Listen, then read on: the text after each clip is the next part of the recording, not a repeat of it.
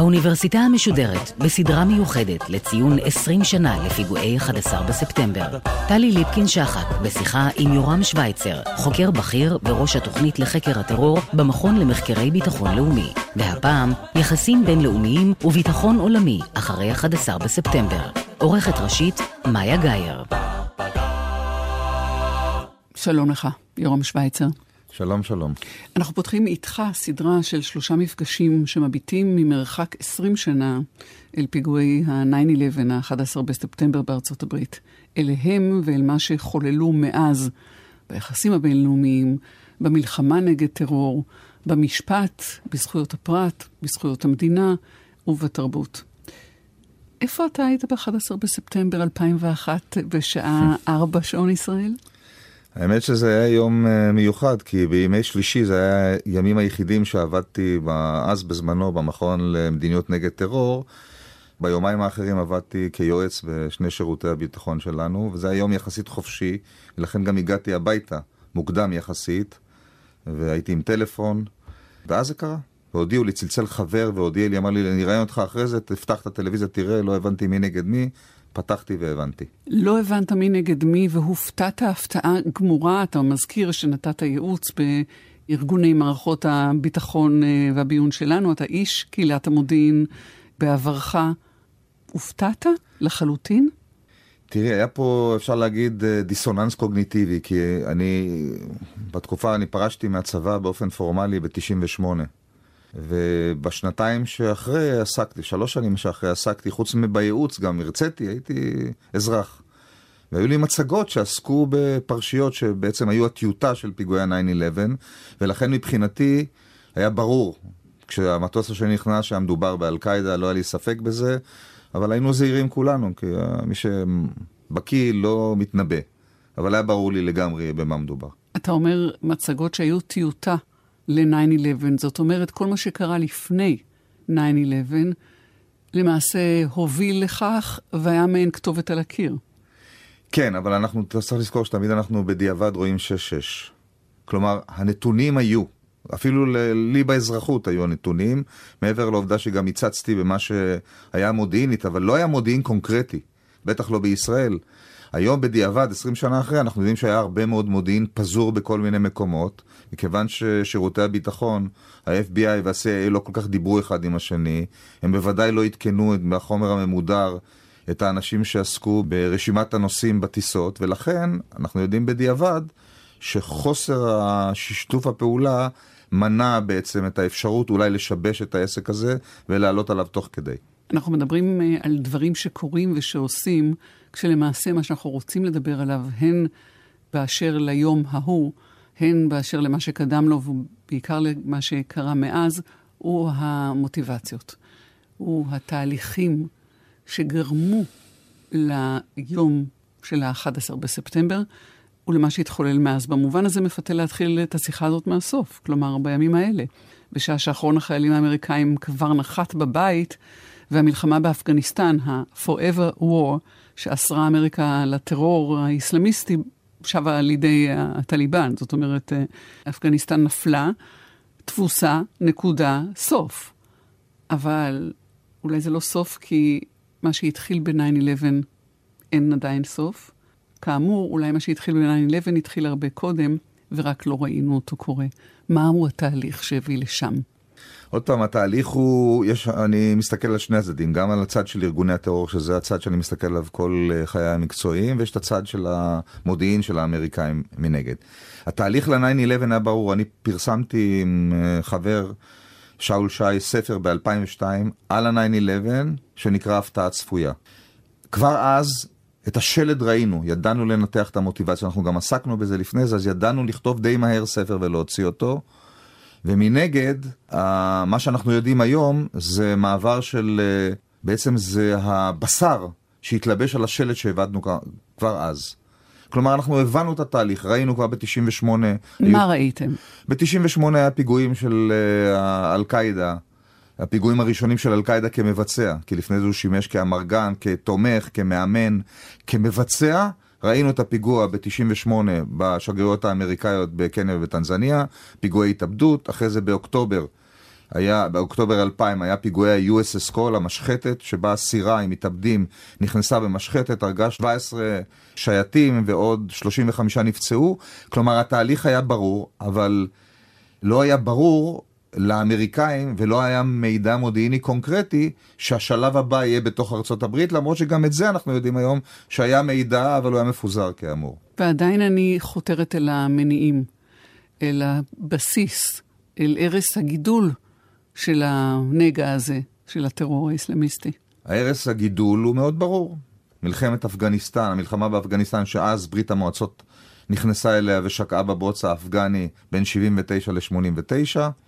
הקמה של אל-קאעידה מהשיירים של אלה שהתנדבו לבוא להילחם במלחמה הזאת, מה שנקרא המוג'הידין הזרים. בן לאדן הקים את הארגון הזה כבסיס, זה השם של אל-קאעידה, עבר לסודאן, אימן אנשים, חזר לאפגניסטן ב-1996, ושם הוא מתחיל לבנות את מחנות האימונים, והופך את הקבוצה שלו מקבוצה מסייעת לקבוצה פעילה, כשהוא עושה פיגועי מודל, בבחינת ממני תראו וכן תעשו, והוא מגדל לו לאט לאט מעטר של טרוריסטים וגם מאמן ושולח אותם לרחבי העולם, והתוצאה בסופו של דבר הייתה 9-11, על בסיס המוטיבציה לפגוע בארצות הברית. כי רק ככה המשטרים במזרח התיכון שהיו היעד העיקרי שלו, ייפלו. כי ארצות הברית ימאסו עליה פיגועים, ימאיסו עליה את החיים, תיסוג מהמזרח התיכון, וככה הם ייפלו. בסופו של דבר קרה תהליך הפוך. וככה הם ייפלו כדי שתקום מה? תקום החליפות האסלאמית? מבחינת אל-קאעידה, אני עוד לא נכנס להבדלים בין אל-קאעידה לבין דאעש, מבחינת אל-קאעידה, הוא רצה לעורר את ההמונים ולגייס אותם כדי שיעשו פיגועים דומים למה שהוא עשה, אבל בכל העולם על פי המודל שלו. אה, לימים נכנסה דאעש, שצמחה מתוך אל-קאעידה בעיראק, והיא כבר הלכה על חליפות עכשיו.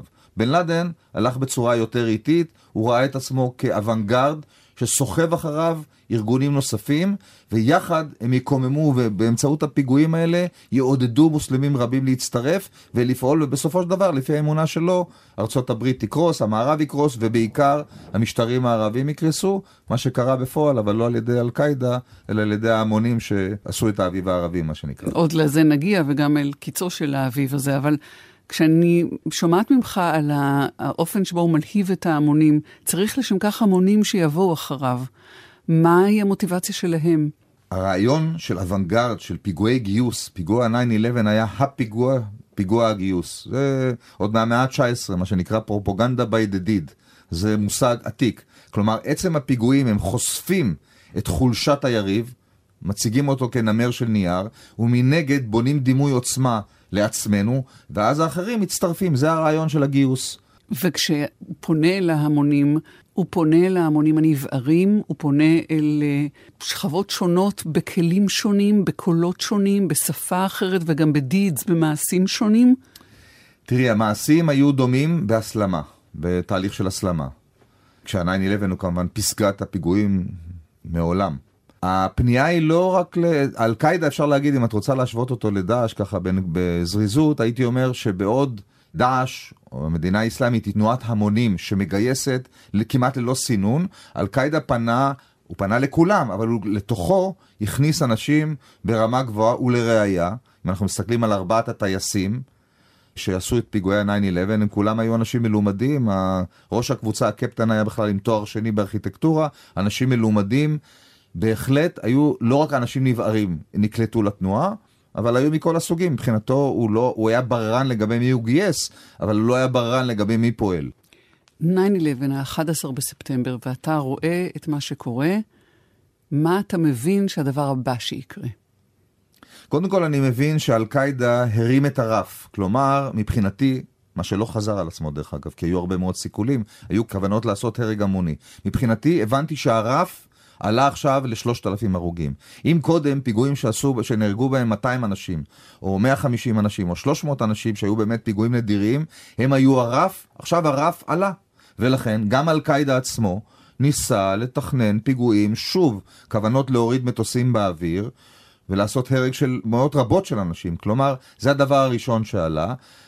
ב', אנחנו רואים שיש פה ארגון אסלאמי שמעז להיכנס לתוך הפה של האריה, מה שלא עשו ארצות רוסיה ולא עשתה סין ולא עשתה איראן ולא עשתה אף מדינה, ארגון קטן, נכנס לתוך הלוע של האריה ועוקר לו את שן הבינה בלי הרדמה.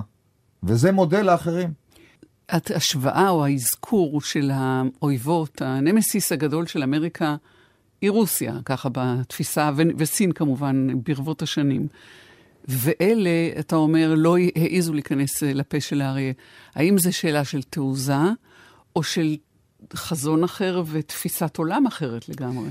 הייתי אומר גם, גם, גם וגם. בגלל שבן לאדן, שבעצמו, דרך אגב, הם לא האמינו שהפיגוע כל כך יצליחו. הם ניסו לעשות פיגוע מאוד מאוד דרמטי, מאוד מאוד נועז.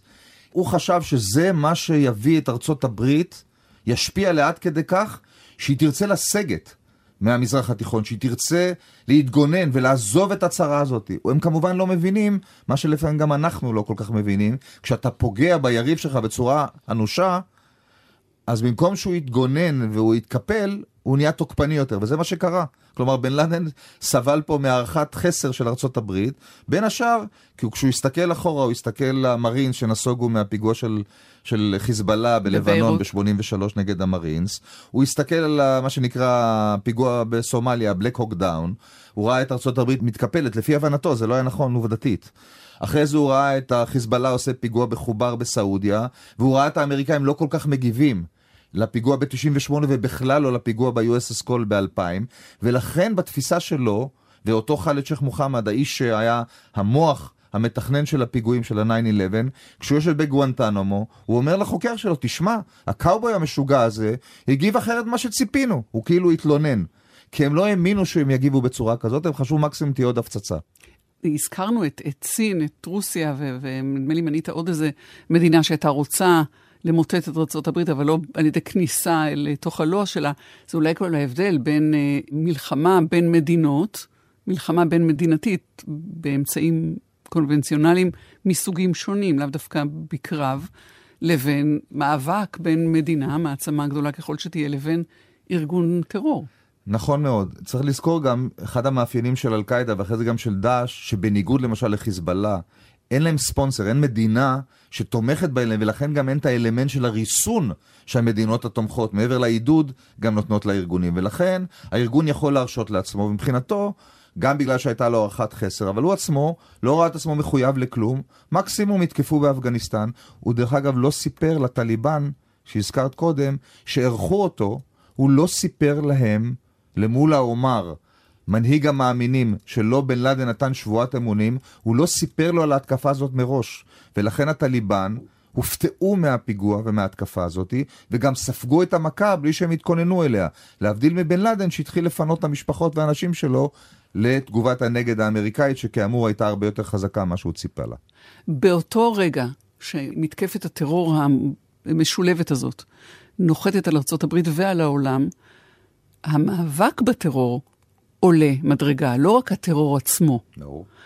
אז דבר איתי על המאבק בטרור, על המאמצים, על השינויים, על uh, השיטות וגם על היעילות של המלחמה הזאת.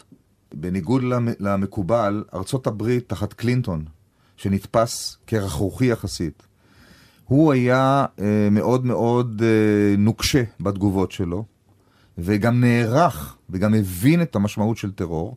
צריך לזכור שבשנת 2000 מתחלף ממשל קלינטון ועולה בוש, ממשל חדש. בוש לא מצליח להפנים את ההתראות ואת הסיכומים המודיעיניים שהם מספקים לו אנשי המודיעין שאומרים לו. אל-קאעידה מתכנן לעשות פיגועים כולל באמריקה. למרות שאבא שלו היה ראש ה-CIA. למרות שאבא שלו היה... הנשיא בוש, בוש לפ... הראשון. לפעמים התפוח נופל רחוק מהעץ. כן. על כל פנים, הוא לא הפנים, והם לא הצליחו לחלחל אליו, למוחו ולתודעתו את הסכנה שבארגון, למרות שהם הצביעו על מידע מודיעיני כללי. וכאשר קורה המקרה הזה, משתנה כל התפיסה של בוש, הוא פתאום הופך, הנושא של טרור הופך להיות לראש וראשון בסדר היום שלו. בניגוד למה שהוא ציפה, ואז הוא לוקח את זה לרמות אחרות, כי הוא תחת שוק, ויוצא לתקוף את אפגניסטן, אחרי זה יוצא לתקוף את עיראק, שהוא משתמש באל-קאעידה, למרות שלא היה קשר בין עיראק לאל-קאעידה, משתמש בה כאיזה סוג של תירוץ, סוטה מאפגניסטן, נותן אורך נשימה לטליבן ולאל-קאעידה במידה מסוימת לחזור, והופך בעצם את המאבק בטרור לשיא של הפעילות שלו, מקימים מוסדות, מקימים פונקציות, מנסים לחבר את ה-CIA וה-FBI מחדש, כי המחדל נעשה בין השאר בגלל שהם לא כל כך היו מתואמים. ממשיכה להיות החומה המפורסמת בין שני הארגונים גם אחרי זה. ובפועל, שיטות של לוחמה בטרור, האופן שבו זה בא לידי ביטוי במדינות אחרות, האופן שבו הטרור, לא חזרנו לשלושת אלפים הרוגים, אבל אירועים מרובי נפגעים, פיגועים מרובי נפגעים, יש מאז בלי סוף, ויש שלא לא סופרים אותם כבר. אילו שיטות שהן קשורות גם לשינוי תודעתי, נוצרות, מתפתחות בעקבות האירוע ההוא. תראי, לגבי הברית, השינוי התודעתי היה בעיקר השפעה שמתירים עכשיו הרבה יותר עוצמה בפעילות הנגדית עם מעט רסן.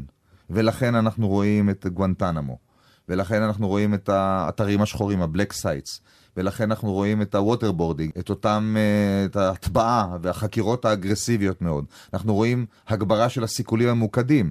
בהתחלה זה ממוקד, אחרי זה פחות ממוקד. אנחנו רואים חוקים שמאפשרים האזנה לאזרחים, בטח לאזרחים זרים. בזה אנחנו נדבר בפרק השני מחר אה, באוניברסיטה המשודרת, אבל ברמה המבצעית, בשיטות הפעולה, ואיך זה עובר ומדלג מארגון לארגון, ממדינה למדינה, מאתר טרור אחד או אתר פוטנציאלי של פיגועים לאחר. אז קודם כל, מבחינת האווירה הבינלאומית והשיתוף הפעולה הבינלאומית, ארה"ב הזועמת זוכה עכשיו לשיתוף פעולה מאוד מאוד נרחב של מדינות שותפות. הם מצטרפים לקואליציה שיוצאת נגד אל-קאעידה ונגד הטליבן באפגניסטן. שיתופי הפעולה בין השירותי הביטחון, גם הם עצמם מתהדקים, מסייעים מאוד לארצות הברית, מגבירים גם את רמת הכוננות בשירותי המודיעין למיניהם. כמו שאמרתי, בצורה מבצעית הרבה יותר אגרסיביים כלפי הארגונים ו- ומתירים גם יותר חופש פעולה ברמות החוקיות, המבצעיות, הבירוקרטיות. ובאיזה אופן הטרור מוצא דרכים חדשות אל נוכח הניסיונות לבלום אותו?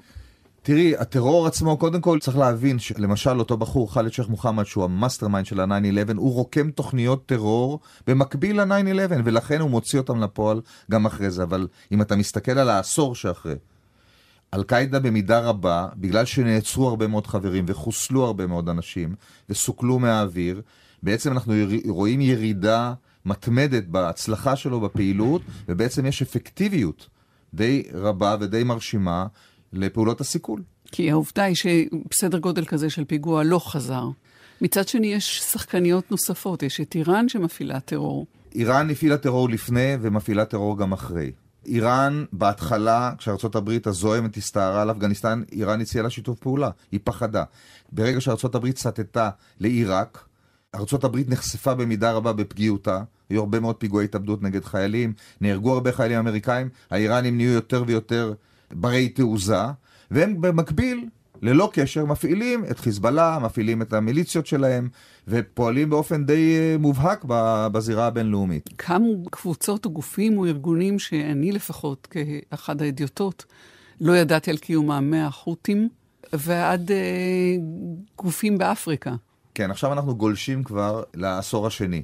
בעשור השני, א', נשכח במידה מסוימת הלקח של ה-9-11, ואז צומח גם דאעש. שצומח דאעש, שהוא גם מכניס אלמנט חדש לטרור הבינלאומי ובכלל לטרור. ואיראן היא יריבה שלו, איראן היא יריבה של ישראל. אפרופו חזון סולימני שבונה פה את המיליציות, החות'ים שהזכרת קודם, זאת כבר מיליציה ששייכת לאזור שלנו, היא פעילה, המיליציות בעיראק פעילות, אה, הברית קצת פחות מפחידה אותם, היא גם נסוגה מעיראק, היא גם נסוגה עכשיו מאפגניסטן, ואנחנו רואים את ההקרנה על התעוזה במבנה של החזית השיעית, הציר השיעי, וגם בפעילות שלהם. בסופו של דבר אנחנו מדברים היום הרבה יותר על מלחמות שבין מדינות לארגוני טרור לבין, לעומת מלחמות בין מדינתיות. נכון, נכון, כבר די הרבה זמן. אה, בין השאר, א', המדינות המסורתיות שתמכו בטרור, חלקם היו תמונות בהנהגות של המנהיגים כמו סדאם חוסיין, כמו קדאפי, שנעלמו מהמפה. והמדינות התפוררו. וחלק מהמדינות uh, התפוררו או התערערו, ובעיקר, אני מזכיר את פרשת לוקרבי. פרשת לוקרבי, פיצוץ מטוס פן אם מעל שמי העיירה בלוקרבי ב-1988 בדצמבר, ב Christmas. בסופו של דבר הביאה לסנקציות בינלאומיות נגד הלובים, ובעצם הרתיעו מדינות, והראו שיש מחיר למדינות שמפעילות טרור. מדינות האלה גם התבגרו, והמנהיגים התבגרו, והם היו פחות uh, בוטים בהפרה של החוק הבינלאומי, ולכן אנחנו ראינו איזושהי נסיגה, וכשנכנסים הטרור, ארגוני הטרור מהזן הזה של אל-קאעידה ושל דאעש, אלה בכלל לא מתייחסים, כי אין להם גם ספונסר שירסן אותם, ולכן הם מעלים שוב את רמת הטרור לרמה הרבה יותר גבוהה. מפת uh, סדר הכוחות הבינלאומי משתנה ב-20 השנים הללו. Mm-hmm. וארצות הברית שהייתה האויב הגדול, השטן הגדול, אולי מאז ה-9-11 והניסיונות הלא לגמרי מוצלחים להשתלט על הטרור הזה, מאבדת מכוחה. במובן הזה גם פחות חשופה עכשיו לאיום. יש כבר איום גדול ממנה, יש אולי איזה שטן אחר שהוא גדול. תראי, ארצות הברית, א', אני מציע, שוב, אנחנו לא דיברנו על אפגניסטן, אני מציע לא לזלזל בארצות הברית. למרות הנסיגה, אולי הצפויה מעיראק, הנוספת, הנסיגה עם הטליבן ועם הפסטיבלים שאנחנו עוד נראה בקרוב, בימים הקרובים, גם של הטליבן וגם של אל-קאעידה, כי הם בונים את האתוס ואת המיתוס של הניצחון שלהם. יש להם תפיסה משלהם. ארה"ב היא עדיין מעצמת על, למרות המראות הקשים שאנחנו רואים עכשיו. היא עדיין האויב מספר אחת, היעד מספר אחד לכל הארגונים הללו. היא לגמרי נשארה יעד מספר אחת, גם של אל-קאעידה וגם של דאעש, וגם של השותפים שלהם באפריקה ובאפגניסטן ובדרום מזרח אסיה. וגם בדרום אסיה וגם בקווקזים. יש עוד יריבות נוספות. התפיסה שלהם רואה במערב אויב. וארצות הברית היא ראש המערב, וישראל מקרקרת בשוליים. כלומר, אם אנחנו רוצים לדעת עד כמה מדינה היא נחשבת מעצמה, נבדוק כמה אויבים יש לה שמבקשים לכלותה באמצעות טרור?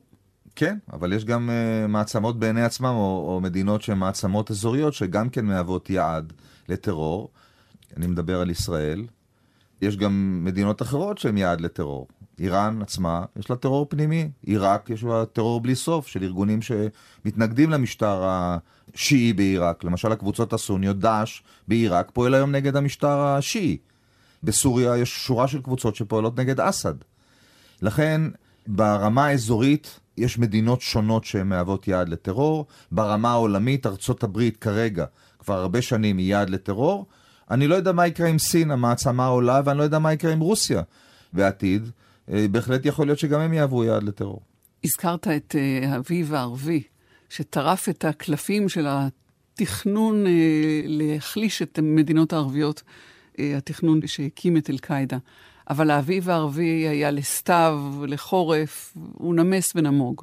בכל זאת, תמונת המערך הבינלאומי כרגע, ובעיקר המזרח התיכון. תראי, האביב הערבי, עוד פעם, האביב הערבי עצמו, הוא היה בעצם התגשמות החלומות של אל-קאעידה. אל-קאעידה פעל בסופו של דבר נגד ארצות הברית כדי להביא לקריסתם של המשטרים ולסילוקם של הדיקטטורים. הוא הצליח, אבל זה לא הוא עשה. ולכן אפשר להגיד שמלאכתם של צדיקים נעשית בידי אחרים. ואז בתוך אל-קאעידה היה את הפיצול, ומתוך אל-קאעידה יצא דאעש, והוא הוביל את הפעילות. ולכן היום אנחנו נמצאים עדיין במזרח תיכון בלתי יציב, עם ארגוני טרור שהוחלשו במידה מסוימת על ידי הקואליציה הבינלאומית שארצות הברית הובילה, אבל עדיין המשטרים עצמם לא יציבים, כל מרכיבי היסוד שהביאו לצמיחת דאעש קיימים, ולכן אנחנו צפויים לראות טרור במזרח התיכון. יכול להיות שהעובדה שעכשיו באפגניסטן אולי ייווצר שוב בסיס טרור של קבוצות מזרח תיכוניות שגם הם יתאמנו שם, יכול להיות שההשפעה של זה תהיה הגברת הטרור הבינלאומי גם במערב וגם במזרח התיכון. אתה כותב ספר, ממש בימים אלה. אנחנו כותבים ספר, אנחנו שלושה חברים, חיים איסרוביץ', אביב אורג ואנוכי, יושבים ועושים מחקר, כותבים ספר שאנחנו מטפלים בו לאט לאט ובסבלנות, ואני מתאר לעצמי שהוא יצא עוד כמה חודשים. אנחנו מסתכלים על ה-9-11 פרספקטיבה של 20 שנה, ואנחנו מסתכלים על 20 שנה שחלפו ומנסים גם להסתכל קדימה, בצניעות הנדרשת, לנסות להבין לאן אנחנו הולכים. מה החמצנו בשיחה שלנו שיעלה בספר? לא נגענו בנקודה אחת, זו הנקודה הישראלית. היא נקודה מעניינת. ישראל והיהודים, שזה מקשה אחת, הם יריב עד של הסלאפים ג'יהאדיסטים. גם של אל-קאעידה והשותפים, גם של דאעש והשותפים. ברטוריקה אנחנו במקום גבוה בדירוג. בפרקטיקה יחסית מעט מאוד. מכיוון שיש להם הרבה מאוד אויבים פעם אחת, ולכן הם לא התפנו לישראל, ופעם שנייה מכיוון שבתפיסה שלהם, כמו שהם הסתכלו על ארצות הברית שתיחלש ותיסוג מהמזרח התיכון, ותיכנע בעצם, ולכן ישראל תיפול בעקבות זה, כי ארצות הברית וישראל זה שני גלגלים של אותו זוג אופניים.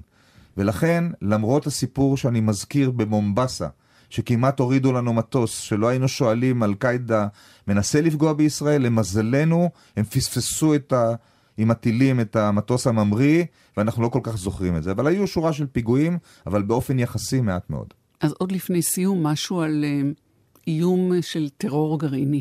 תראי, טרור גרעיני, uh, אני עוד פעם משתדל לא להתנבא לגבי העתיד. היה, גם בעקבות ה-9-11 היה חשש מאוד גדול מפני טרור גרעיני. אני מזכיר לך שהיה את סוגיית האנטרקס, שזה לא גרעין, זה רק היה טרור ביולוגי בקנה מידה קטן. אל-קאעידה ניסה להשיג, אבל לא הצליח.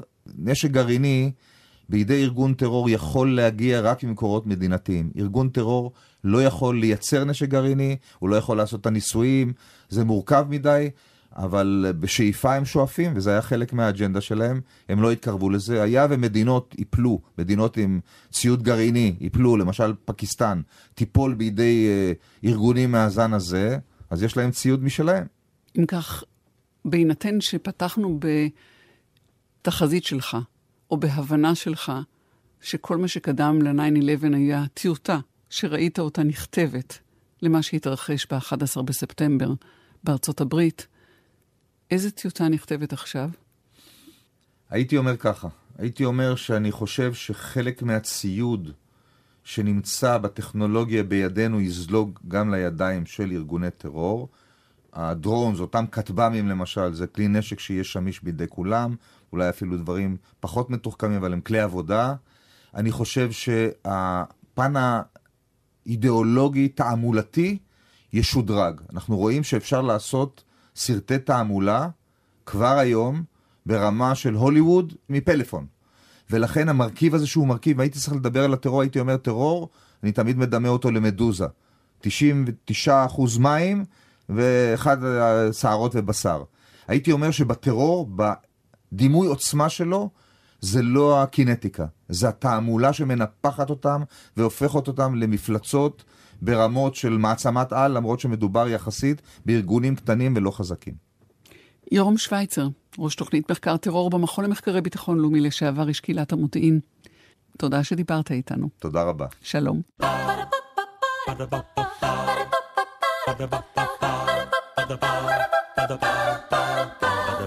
האוניברסיטה המשודרת בסדרה מיוחדת לציון 20 שנה לפיגועי 11 בספטמבר. טלי ליפקין-שחק שוחחה עם יורם שווייצר, חוקר בכיר וראש התוכנית לחקר הטרור במכון למחקרי ביטחון לאומי, על יחסים בינלאומיים וביטחון עולמי אחרי 11 בספטמבר.